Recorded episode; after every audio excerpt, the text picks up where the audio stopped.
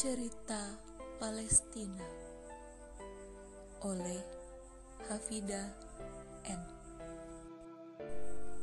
Jiwa sendu merayapi kalbu, menebas bahagia, menghilangkan suka, menoreh tinta luka,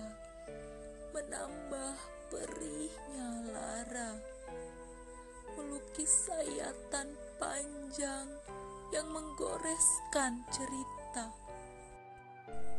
tentang raga yang tak lagi utuh, tentang diri yang tak lagi bisa mengeluh, tentang hidup yang tak pasti, tentang nafas yang kini mulai pergi. Kalian yang sedang berjuang tak pernah merasa pantang menantang apa saja yang ada di depan yang telah merebut Palestina, tanah kelahiran. Bertahun-tahun lamanya kalian berjuang sendirian, masih menanti uluran bantuan bukan hanya sekedar obat dan makanan, namun juga sebuah pasukan.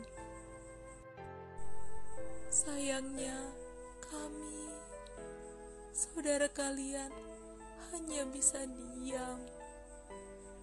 Hanya sedikit yang ikut menyuarakan bahwa kalian membutuhkan ketenangan membutuhkan suatu pembelaan.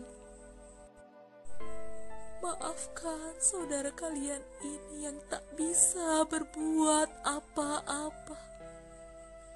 Hanya bisa mengecam Zionis itu sembari berdoa. Semoga kalian diteguhkan hatinya. Sampai nanti daulah idaman itu kan tiba.